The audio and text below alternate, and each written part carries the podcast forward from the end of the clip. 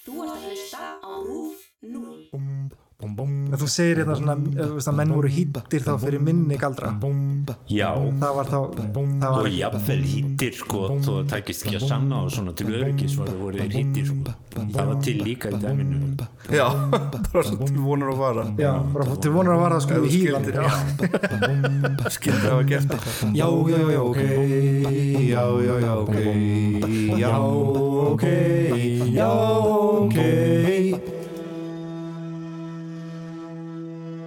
Galdra ofsóknir á Íslandi á 17. öld er að mörgu leiti einstakt fyrirbæri. Um galdur hafa verið notuð fjölmörg orð, sjaldnast hefur þó verið gerðu mikill greinamunur í íslensku á nótkun orða eins og fjölkingi, forneskja, fordæðuskapur, tröllskapur, töfrar, gjörningar og kukl. Öll tengjast orðin þeirri trúarhugmynd að með leindardómsfullum orðum og atöfnum sé hægt að hafa yfir skilvilleg áhrif á atbyrði og ástand í raunheiminum. Ekki verður fullurt í eitt skipti fyrir öll hvað mörg galdramál komu upp á Íslandi og sjálfsagt verða aldrei allir á eitt sáttur um fjöldan. Fyrir alþingi komu rúmlega 100 mál, en hins vegar hafa dómabækur í hérum varðveist mjög misaflega og því er líklegt að upplýsingar um einhver mál hafi glatast. Í það minsta 170 einstaklingar voru kerðir fyrir galdur frá síðaskiptum fram til 1720. Af þeim var 21 brendur, um það byl fjórði hver maður hýttur og annar fjórðungur náði að sverja sakleysi sitt eða var síknaður.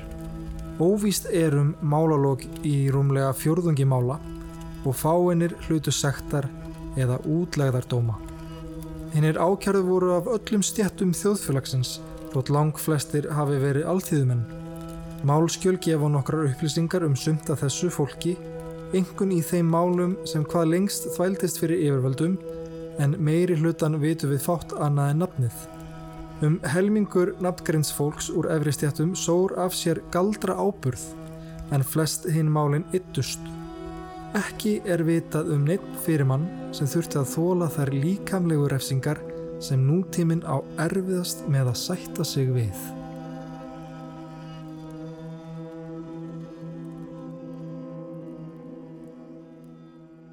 Við erum ekki statir rúf í þetta skiptið. Nei, Við erum búin að keira í fjóra tíma held ég fjóra bara tíma, já, eða svona þrjá, Já, já, einu, einu stoppi. já, nákvæmlega En við erum mættir til uh, Hólmavíkur. Já, ég var búin að vera daldið svona, ég var búin að vera daldið kjánalegir ég, ég er alltaf búin að kalla þetta Nordnasafnið fólk sagði svona hló alltaf og sagði einmitt, já. Svo bara, svo bara kom ég til hlutin hér þetta er galdrasafnið. Já, galdra það er bara svona auðlalegt að vera bara búin að vera að segja fólk alla vikuna já, ég er að fara í Nordnasafnið á, á höfni hopnafyrði svo var ég að fara í galdrasafnið í Hólmavík bara alveg alveg út í hött sko. Þrándur, vinnur okkar komum við með okkur. Já. við vorum alveg bara, hann var alveg bara við verðum að stoppa á Kentucky á Selfossi. Ég alveg bara, já við við erum eiginlega ekki að fara þang Nei, við erum alls ekki að fara ákvæm en við erum komin hérna með gest til okkar. Og það er hann Magnús Rapsson Sæll Magnús, Sælis hvað segir þið? Allt þetta fína bara, góða verinu sko. Er það ekki? Já, það er alveg bongo blíða Já, úti. bongo blíða hérna og við erum búin að draga þig inn Já, Já, já, við erum hérna á annari hæð inn á galdrasafni Já, og, og svo er reyndar fjórða mannanskjan hérna líka og það er, hvað sagði hann hérna, Jón hinn- Jón Lærði Jón sem lærði. situr hérna við skriftir Já, einmitt já Hva- hver var það? Jón Lærði var maður, eiginlega ein, eini maðurinn frá 17. öld sem að getur kynst almennilega af því hann skrifaði meira persónlega heldur en aðrir alltíðumenn á þessum tíma sko. en Já, hann var ákærðu fyrir galdra með, eða galdrabók á sínum tíma sko.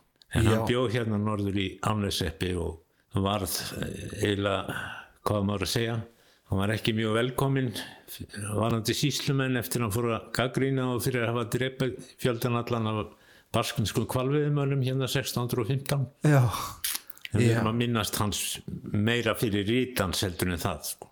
Já, Vitum við, og ha- hann draf það þá með, með göldrum eða? Nei, nei, Nei, nei, nei, nei. síslumennir drápu það, það var bara Já, heila síðasta stóra mannvík sem Íslendingar hafa ráðist á Baska og drápu 30 manns. Vá, innmitt Það var svakalegu tími. Já, einmitt En já, hann uh, var þá ekki að galdra eins og, eða hvað?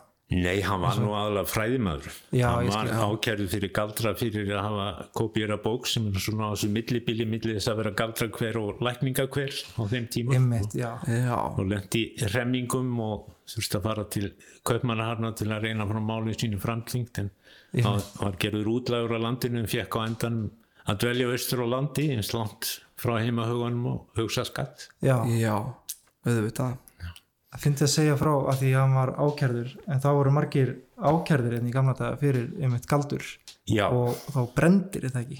Jú, Já. þeir voru brendir þið getið nú séð hérna á safninu að þið viljið hafa tölurnar á hreinu þá eru þær finnanlegar hérna á safninu. Ég ætla ekki að fara að þylja þær upp sko. Nei, nei, nei, en, en ég sá að það var eitthvað heimasíðinu líka hérna jú, jú, uh, þetta, þetta voru allt karlmenn sem voru brendir þetta ekki?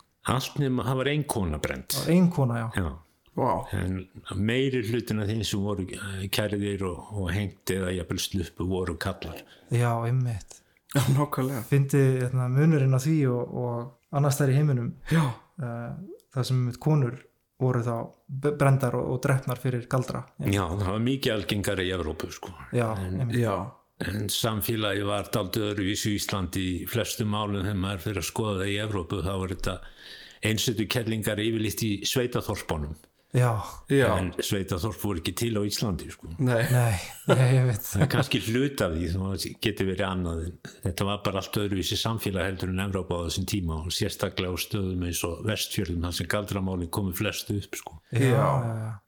Og hvernig voru þá menn yfirleitt svona dæmdir til uh, dauða eða veist, hvað gerðu þeir til þess að verðskulda þann dauða yfirleitt? Þeir voru þá, eh, þá komst þér réttur að því að þeir hefðu verið eh, sem sagt segir um að hafa valdið ykkur miska.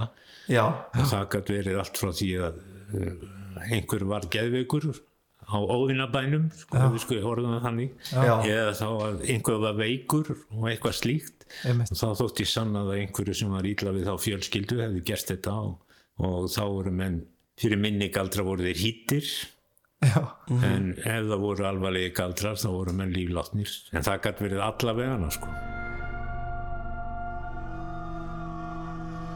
Í galdramálum á 17. öld var hýðing algengasta refsingin og oft harðneskjuleg. Heimildir geta ekki um afdrif þeirra manna sem urðu að þóla tvö eða jafnvel þrjú húðlát, öll sem næst gangi lífi. En gera verður ráð fyrir að einhverjir hafi ekki náð hilsu eftir slíka meðferð.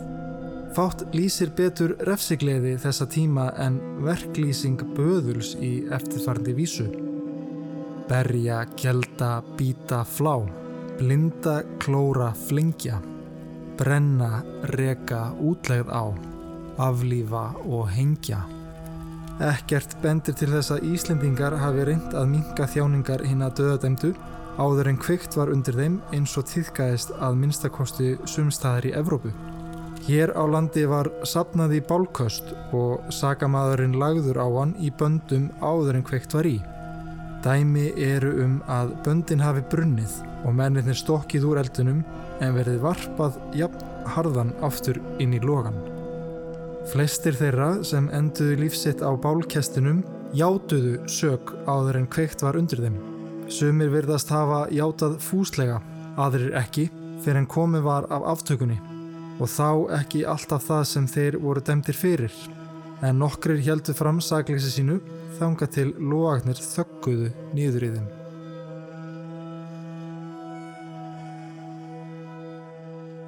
Hvað næri þetta langt aftur í tíman? Að þá bara galdrar á Íslandi.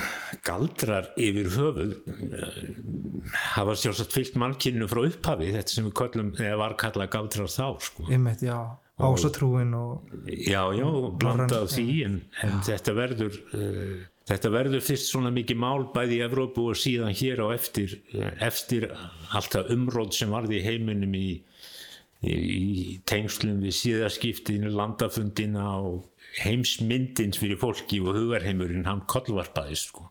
og þetta er svona upplausna tímabil í hausnum á fólki svolítið mikið og þá kom upp alls konar skrýtna kenningar og Já, þar á meðal það að það ætti að útrýma öllum sem stunduði eitthvað kukl sko. kukl. Já, já, það er Já. eitt Ís, Íslenskan er svolítið spes, hún á svo mikið orðum yfir þetta, sko, kukl og forneskja og það er endalus orða flömur um hvað það var, sko. Einmitt, og maður- litlar skil, nákvæmar skilgreiningar á hvað er hvað, sko. Ætla, já, maður svona þekkir og kannski flesti þekkja kukl sem hérna, kvikmynda Leigufyrirtæki. leigufyrirtæki Já, já. en það er einmitt svona logoið þeirra er svona stafur. Það er galdrastafur úr, úr gamlum bókum, sko. Já, já. já, já, og kukl því þá bara galdur. Já. svo er fjölkingi eitt orði viðbót sem er algengt í, á þessum tíma, sko. Kingi, já fjölkingi því er það ekki að, vita meira heldur um ávita já, já, já. þú segir hérna svona eh, menn voru hýttir þá fyrir minni galdra. Já, það var þá það var og jafnvel hýttir sko, þó það tækist ekki að sanna og svona til öryggis var voru þeir hýttir sko. það var til líka í dæminu Já, bara svo til vonar að vara. Já, bara til vonar að vara sko þú hýðan skildir, að hafa gert eitthvað. Hva, hvernig minni galdrar var það? Hvað, bara valda tannpínu eða nei, ég segi það ekki.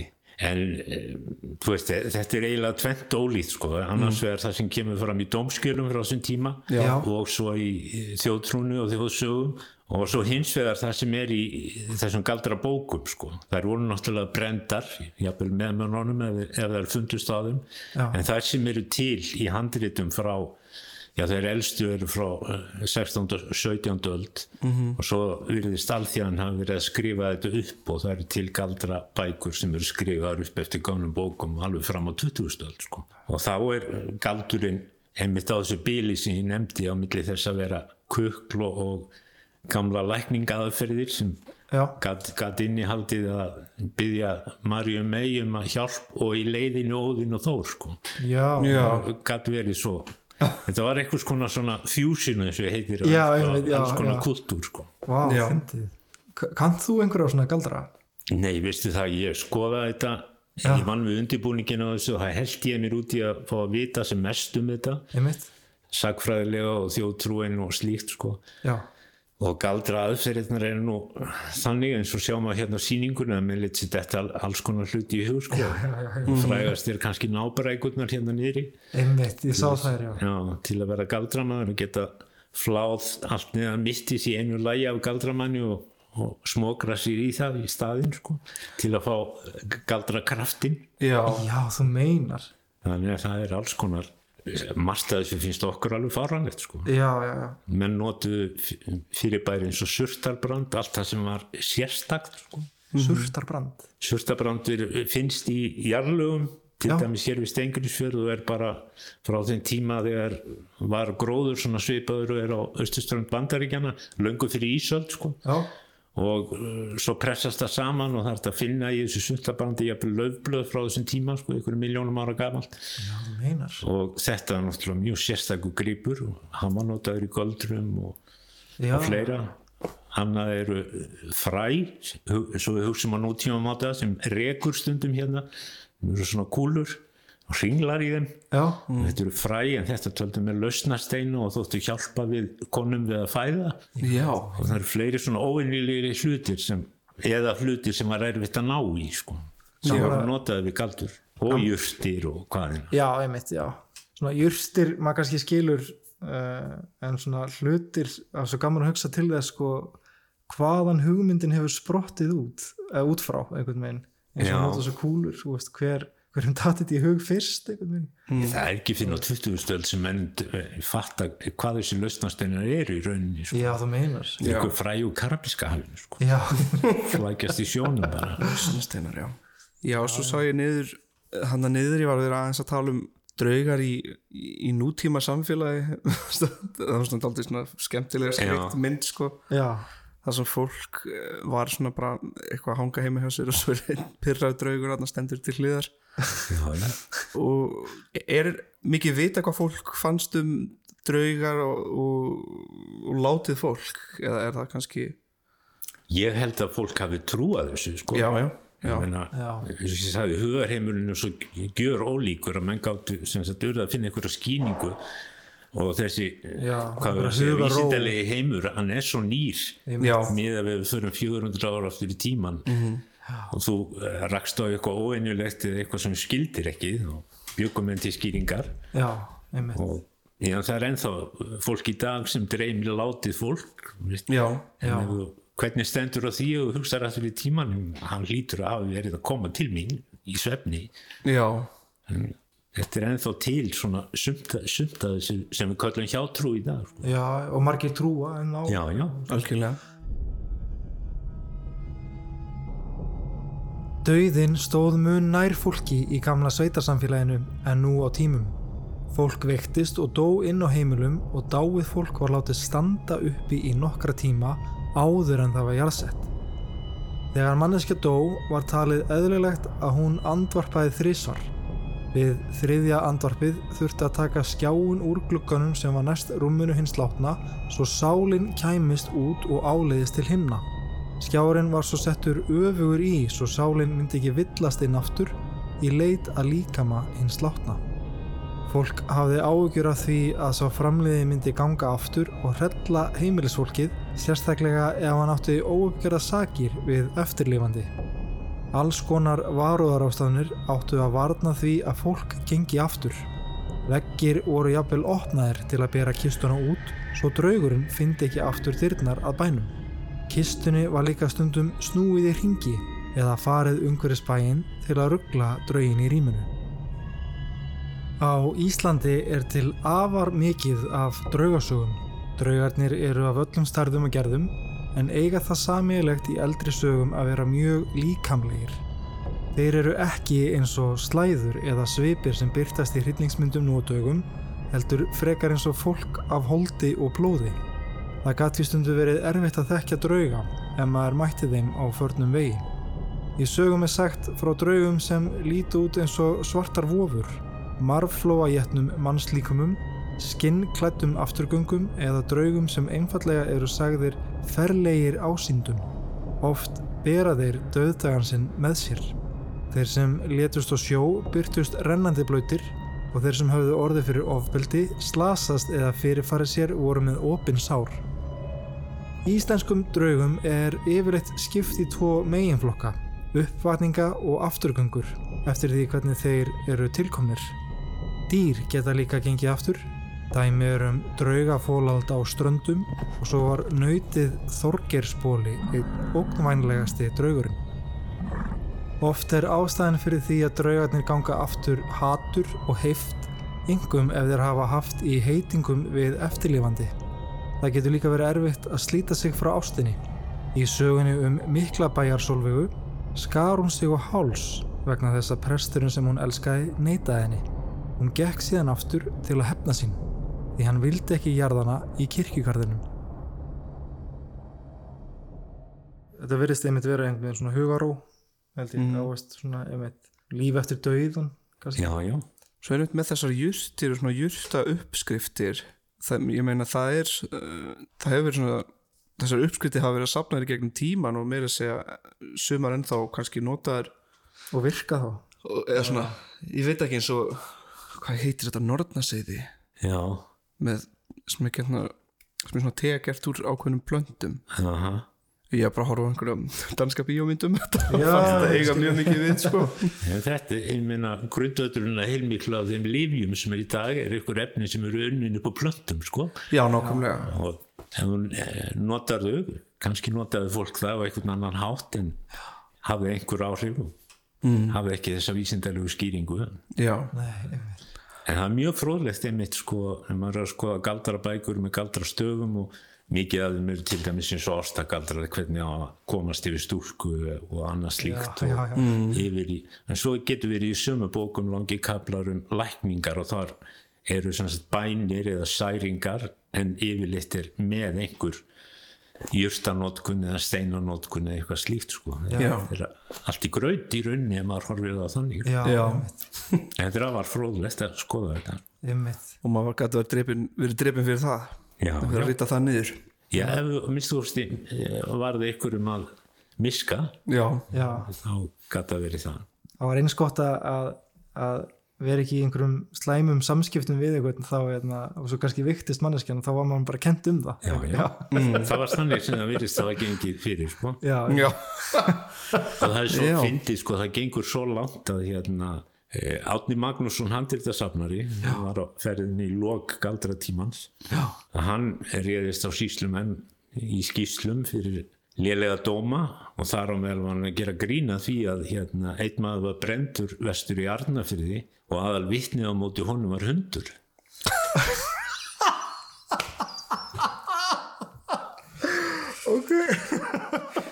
hver var þá að spyrja hundin? já, Hver ekki er verið að það, hann, hann þótti hann var allavega hluti af sonnunagögnunum sko, á hundurinn að hundurinn hefði gefið þetta til kynna. Hvað meinar Hvað meinar Lassi, var hann þar?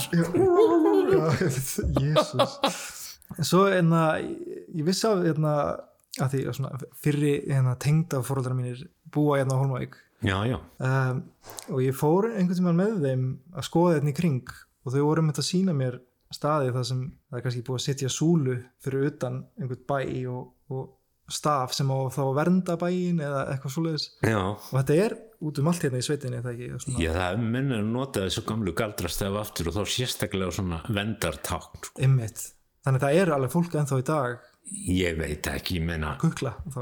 ég skal ekki segja það, Nei. en hérna þegar uh, voru gerð hérna skildir, einkennismerki fyrir alla síslur á landinu, Já. 1930, Já, þá var það með strandamæður sem teknaði þetta og hann valdi að ég sjálf galdrastafinn sem takk fyrir strandasíslu og, og hann er tekinn beint upp úr gamlu galdrabókun þessi stafur og hann er svona er lífandi enn í dag, hann er enn í tákni síslunar og, já, og hann er í tákni galdrasýningarnar og svona. Og þetta er þá eitthvað svona einhver eitthvað, þetta er vendarstafur fyrst Já, og fremst sko.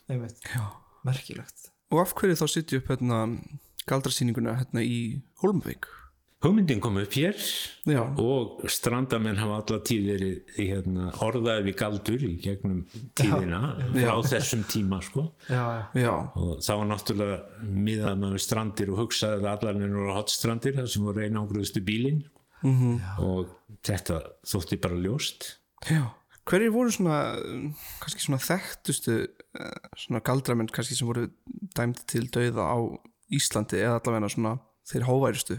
já. Eða, þú veist, hvort það sé einhver þekktur í sögunni sem var að kukla líka. Það var ekki þekktur fyrir að kukla. Eða. Nei, Já, menn, það voru til menn sem komið fyrir dómstól og viðkenda að hafa eitthvað verið að nota galdra stafi til þess að komast yfir jörðina, voru á lélegri jörð og Þóttist hafa gert eitthvað galdra til að losnaði ábúð og annari jörð sem þeir leist betur á, það er til í dæminu sko. já, já. mm. en sumir þeirra virðast bara hafa verið ruggluhænst sko. Já, já, en voru brendir fyrir að játa það sko. já, einmitt. Þannig fólk var mjög hrætt á þessum tíma. já, það kom upp svona hystería í upphafi galdradóma hérna norður í Tryggilsvík sko. þar voru þrýr menn brendir og þá eiginlega byrja ræðið það hafði einn maður verið brendur áður sko, 20 eða 30 árum áður en, en þá svona byrjar þetta Einmitt. Þetta er 1654 og, og það er verið að dæma menn til döða framundir aldamóti 1700. Hvað er það sem stoppaði að, að, að brenna fólk? Var það bara einhvers konar dómskerfi?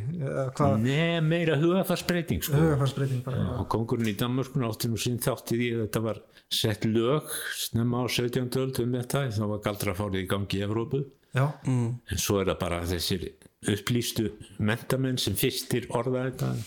En þetta var náttúrulega diskussjón og- um, þetta í Evrópu og meðal fræðimanna hvort það væri viti í þessu að vera hegna mönnum fyrir þetta og hvort það væri viti í þessum göldrum. Já, og þetta smá smitaðist til Íslands í gegnum henni. Svo, já, ég nefndi Átna Magnússon áður og já, Brynjólu biskup Sveinsson virðist að er í miðju þessu galdrafári og virðist aldrei gera neitt krassandi sko. Nei, nei, nei. svo kemst maður að því að hann var að lesa eitthvað af þessum bókum að móti galdri á latínu sko. Já, til listi yfir bækur bókarsafnans og þar koma fram menn sem voru að berjast á móti galdrafárinu sko.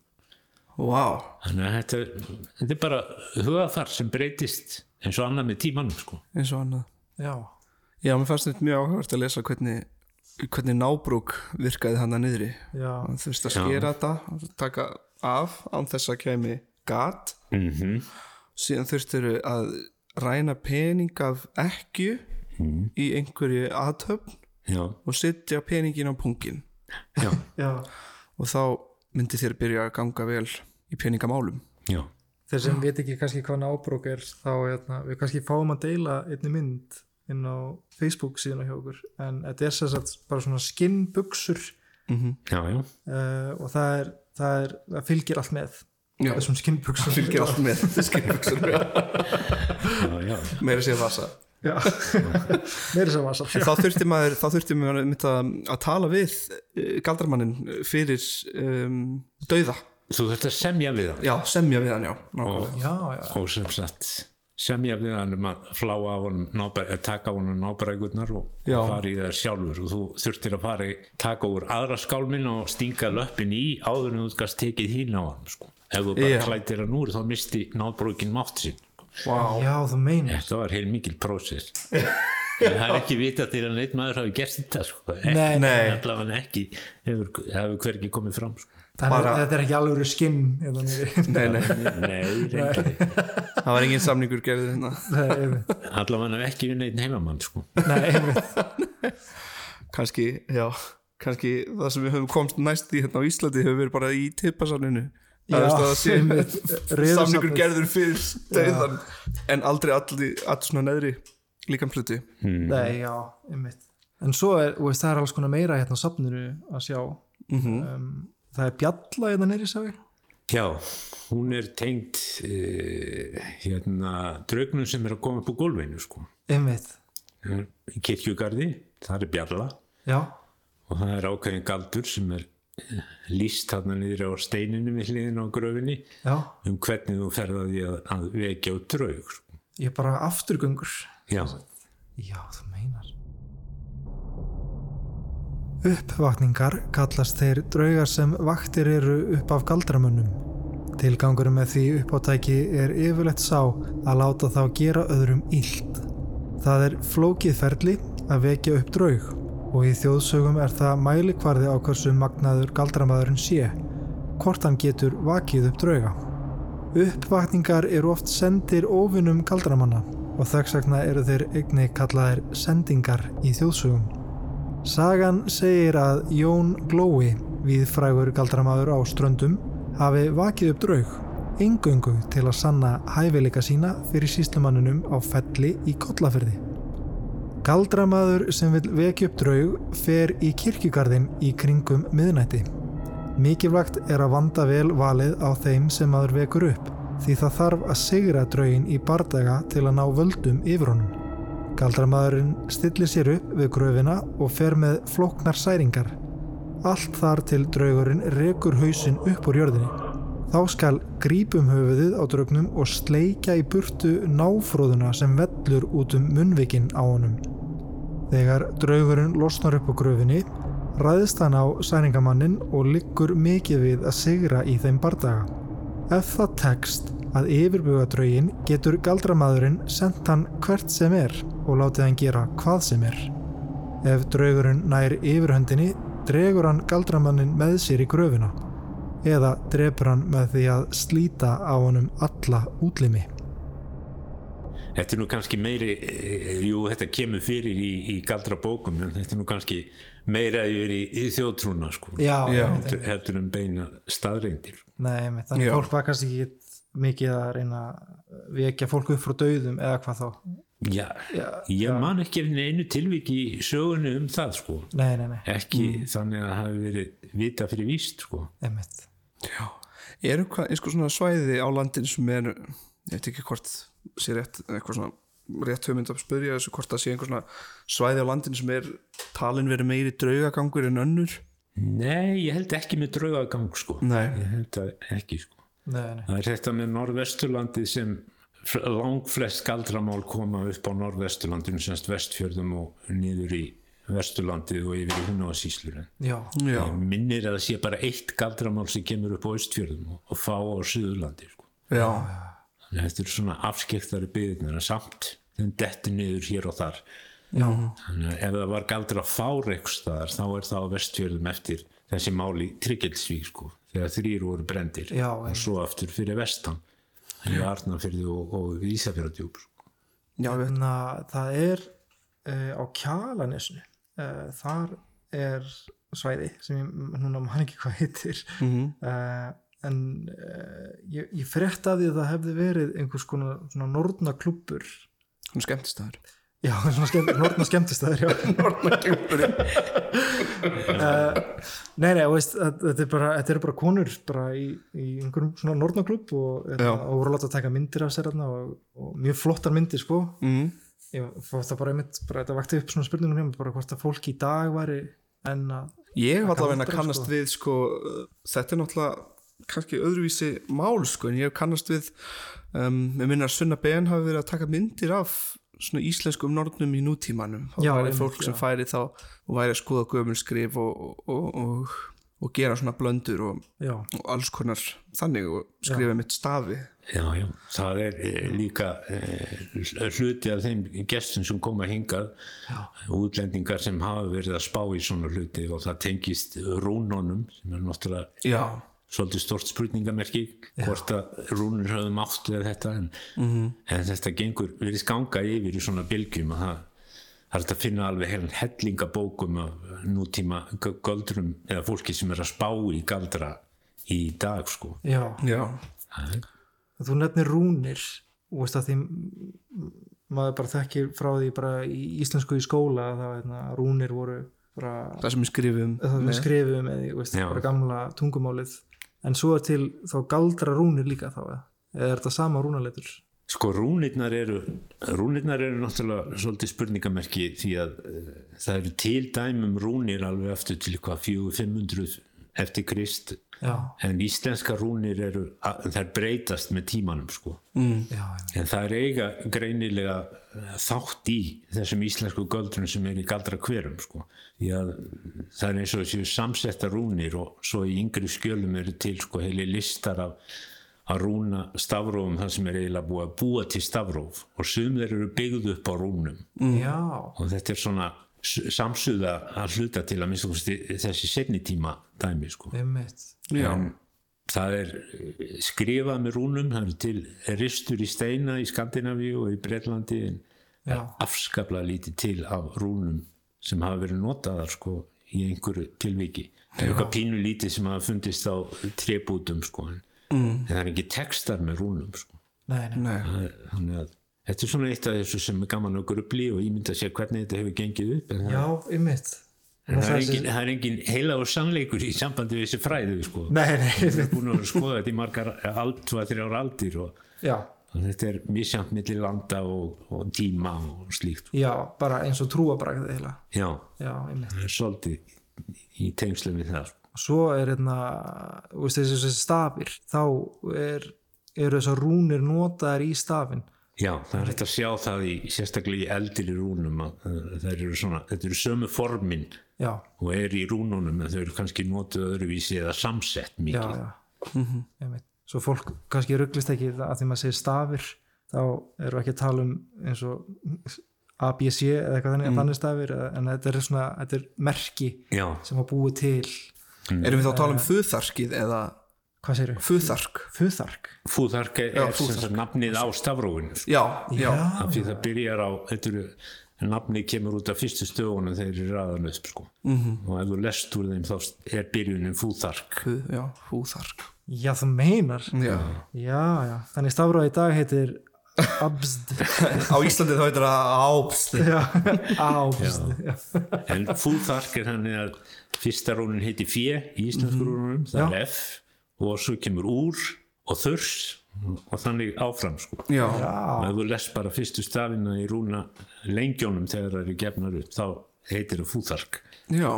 Alveg sem við nefnum liklaborðið kvertiborð ha, En svona liklaborð sem Já. eru í tölvum. Og talum, já. Þeir sko, sko þessi venjulegu eru kölluð kverti liklaborð út af því fyrstu stafinir hérna efst eru já, Q-V-E-R-T Já.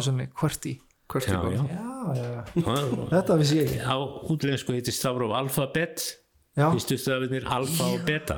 Heyrðu, í klassískum málum. Já, en ég ég hef aldrei pælt í þessu. Ég hafði aldrei pælt í þessu Þetta er reyndar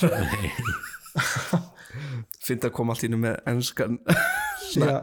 ennst Elst eða alþjóðlegt sko. Já. Já, alþjóðlegt.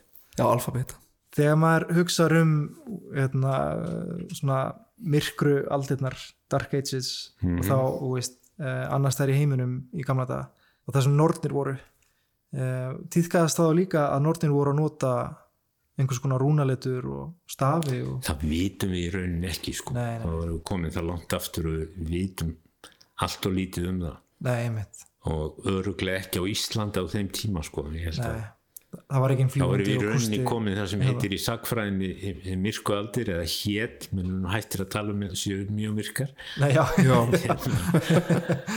þá e, situr það einhvern veginn þannig að það verður löst í reybunum sko. já, eins og hugmyndir okkar eru um það sem við vitum ekki mikið um sko. nei, einmitt, einmitt en Ísland náttúrulega er eh, tilheyrir ekki einu myrku öldum sko. því þá eru komin, þegar Íslandin umið þá eru rauninu komin að nálgast sko, síðmiðaldir símiðaldir, já, það er svona setni, síðustu árhundurinn og öllum þessum myrku, miðaldum sem byrja á þrjú, miðaldi byrja á 300 sko, Já. og enda 1500 eitthvað. Já, og Ísland er ekki numið fyrir þús, í kringum þúsund sko. ég skil. Þannig að já, við náum bara endan á þessu. Já, það er mest að furða hvað við vitum um eh, sko, góðatrúna með hvað kirkjan var alls ráðandi eftir þúsund. Já. já, einmitt. Já, við vorum alltaf svo miklir á svo, þetta var svona við vorum svo repilar, svo repilar hérna, anarki eiginlega. Já, eins og við höfum alltaf verið gegnum tíðina, ég hef verið að ég verið að undirbúa annan þátt og þá að vera um blótsýrði á íslensku. Því margir notað nú bara ennsk blótsýrði nútildags á Íslandi og ég var að spóka mig fyrir um hvað var notað í gamla, gamla daga. En það er einmitt rosa erfitt að finna út úr því út af því að einmitt við kristnitöku þá hérna byrjum við alltaf að segja andskotans og djöfulsins. Já, já, og þá erum við að reyna að finna út úr því sko, og þá er þetta ráðstefna sem er haldin á hverju ári með milli Norðurlandana já, að reyna að finna gömul, gömul íslensk blótsýrði sem voru þá kannski notuð fyrir kristni. Sem við ætlum að fara á. Já, sem við ætlum að fara á, já, við erum að fara á ráðstefnu. Það verður fróðlegt. Já, nú gaman að læra. Endur líka íslenska tungumálun í blótsýrðunum líka. Já, Já, já, gaman ég, enna, ég mæli indrið með að fólk kíki engað á galdrasamnið Já, Ég- Algjörlega. merkilegt já, bara takk fyrir að, fyrir að hafa okkur hér já, æðislegt ekki mál. takk fyrir Magnús Takk fyrir Takk fyrir mig. já, já, já, ok já, já, já, ok já, ok já, ok